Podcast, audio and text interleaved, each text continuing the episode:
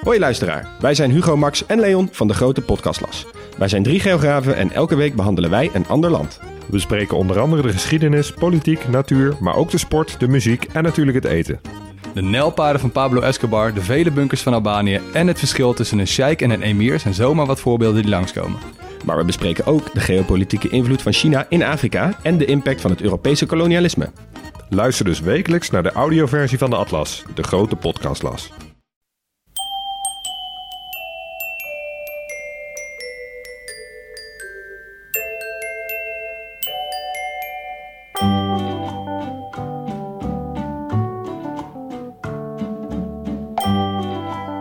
Welkom bij aflevering 231 van Echt Gebeurd. De podcast waarin waargebeurde verhalen worden verteld door de mensen die ze zelf hebben meegemaakt. In deze aflevering een verhaal dat Oscar Smit in december 2016 bij ons vertelde tijdens een verhalenmiddag rond het thema Donkere Dagen.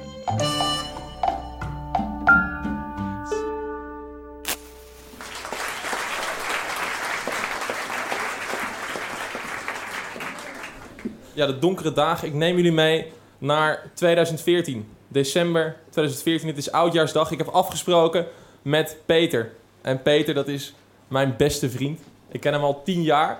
Alleen onze levens die hebben een andere wending genomen. Peter is geneeskunde gaan studeren. Ik ben rechten gaan studeren.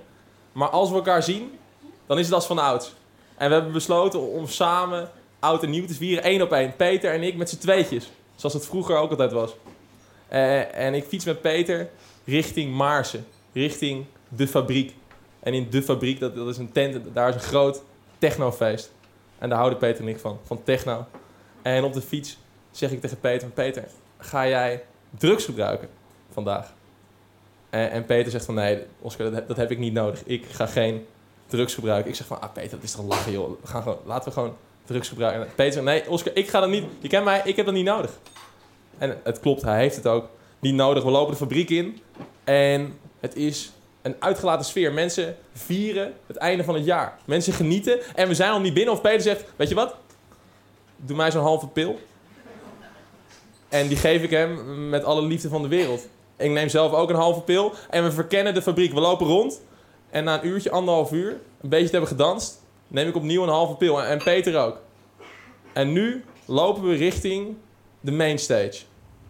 En daar zien we ineens een kleine, donkere vrouw. Maar echt een hele kleine vrouw. Ik ben zelf 2 meter. Peter is nog iets groter, 2 meter 1, 2 meter 2. Dus wij zijn een opvallende, opvallend duo. Maar, maar zij is misschien 1,60. Iets kleiner. En daar, moet je niet om lachen. Maar deze vrouw die danst met een ongelofelijke energie.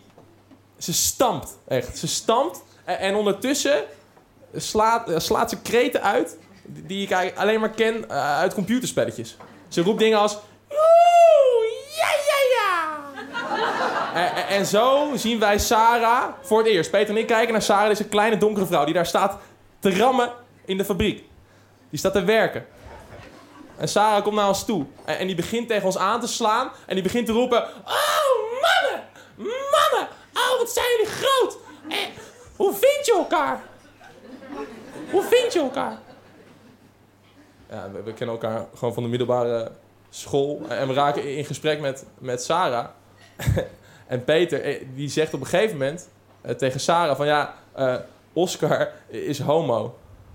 En dat is het moment dat ik besef dat, dat de drugs zijn gaan werken. Want ik ben geen homo. Maar ja, wie ben ik om deze grap af te schieten? Dit is de eerste keer drugs voor Peter. Ik ga niet meteen spelbreker zijn. Dus Sarah komt op mij af en zegt van... hé, hey, jij bent homo.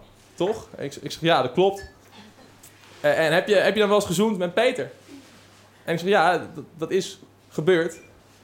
Uh, en dat is nog waar ook. Want, want, op schooltoneel heb ik een keer met Peter gezoend. In de zesde klas. En, en, dan zegt Sarah... Oscar, hoe, hoe was dan... Het is misschien een persoonlijke vraag, maar, maar, maar hoe was jouw coming out? En nu moet ik improviseren. En ik zeg van, ja, ja mijn coming out uh, dat was in de eetkamer. ik weet nog heel goed, mijn ouders, uh, die waren heel begripvol. Ja, die waren heel begripvol. En, en, mijn moeder zei zelfs, ik heb het eigenlijk altijd wel gedacht. Maar terwijl ik dat zeg, besef ik ineens eh, dat mijn ouders ook echt heel begripvol zijn. Ik besef ineens dat als ik het zou, zou vertellen, dan zou ik het ook altijd in de eetkamer doen. Waar wij altijd gesprekken hebben. Mijn ouders en ik. En, en ik besef ineens ook dat mijn moeder wel eens naar mij toe is gekomen.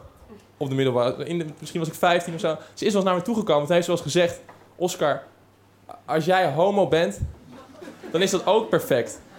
En was, misschien was het ook geen rare gedachte. Ik deed aan toneel, ik had nooit vriendinnetjes. En terwijl ik die leugen sta te vertellen over mijn coming out, begin ik er zelf in te geloven. En aan het einde, aan het einde van de leugen, voel ik me 100% gay. Ik voel me gay, daar in de fabriek.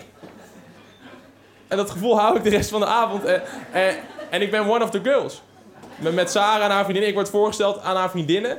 En ik zit op een ander level dan normaal. Want ik ben ineens geen kaper meer op de kust. Ik ben geen meer, eh, geen, niet meer een, een bedreiging. Ik ben gewoon één van de vriendinnen. En ik heb gesprekken met Sarah en met haar vriendinnen die ik normaal gesproken, voor mijn gevoel, niet zou kunnen hebben. Het gaat bijvoorbeeld over de vraag ja, waarom Sarah nou geen, vriend, geen vriendje heeft. Geen, vriend. En dat snap ik ook echt niet. Het is zo'n leuke, energieke eh, vrouw. Maar ik zit dus op een ander level. En, en ondertussen blijft Sarah zich maar verbazen over onze lengte. Over hoe groot wij zijn. En op een gegeven moment kwamen Peter en ik op het idee om Sarah op mijn schouders te zetten. Zodat ze ook eens kan meegenieten van onze hoogte. En we zetten Sarah op mijn schouders. We lopen richting eh, de main stage. En Sarah die gaat helemaal los op mijn schouders. Ze, staat, ze is aan het tikken op, mijn hoofd. En ze is weer die, die kreet aan het uitslaan die, die je inmiddels van haar kent. En je ziet iedereen daar denken van wat is dit voor groep?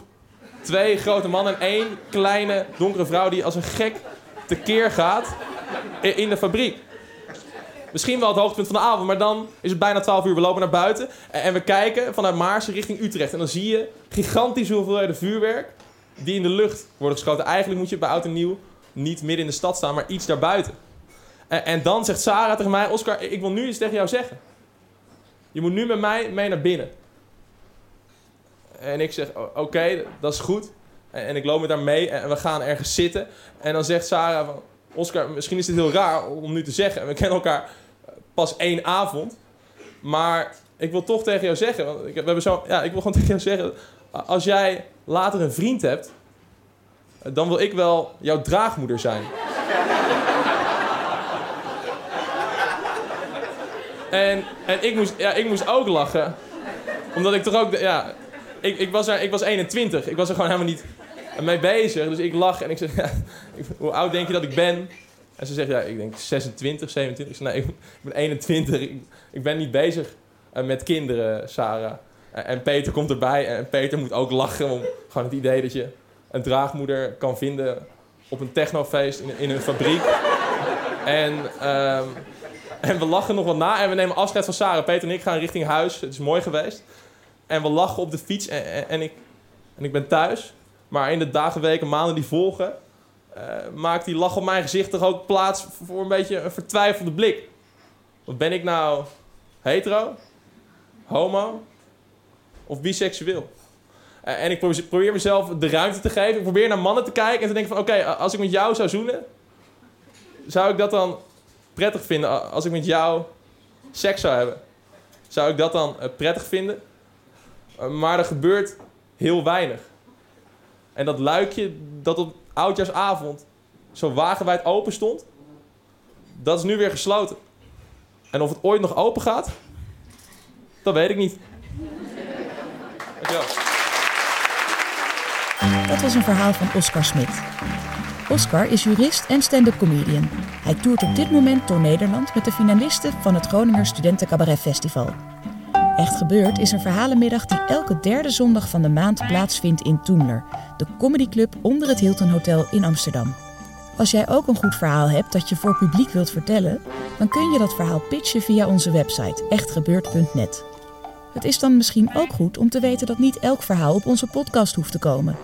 Wij vinden het geweldig dat zoveel vertellers hun verhaal willen delen met ons publiek. En soms zijn de 150 luisteraars in Toemler ook gewoon genoeg. De redactie van Echt Gebeurd bestaat uit Rosa van Toledo, Micha Wertheim, Paulien Cornelissen en Maarten Westerveen. De productie doe ik, Eva Zwaving, en de zaaltechnicus voor deze aflevering was Nicolaas Vrijman. De podcast wordt gemaakt door Gijsbert van der Wal. Dit was aflevering 231. Tot volgende week. En onthoud, wees voorzichtig met liegen over je coming-out. Want voordat je het weet, heb je ineens een draagmoeder.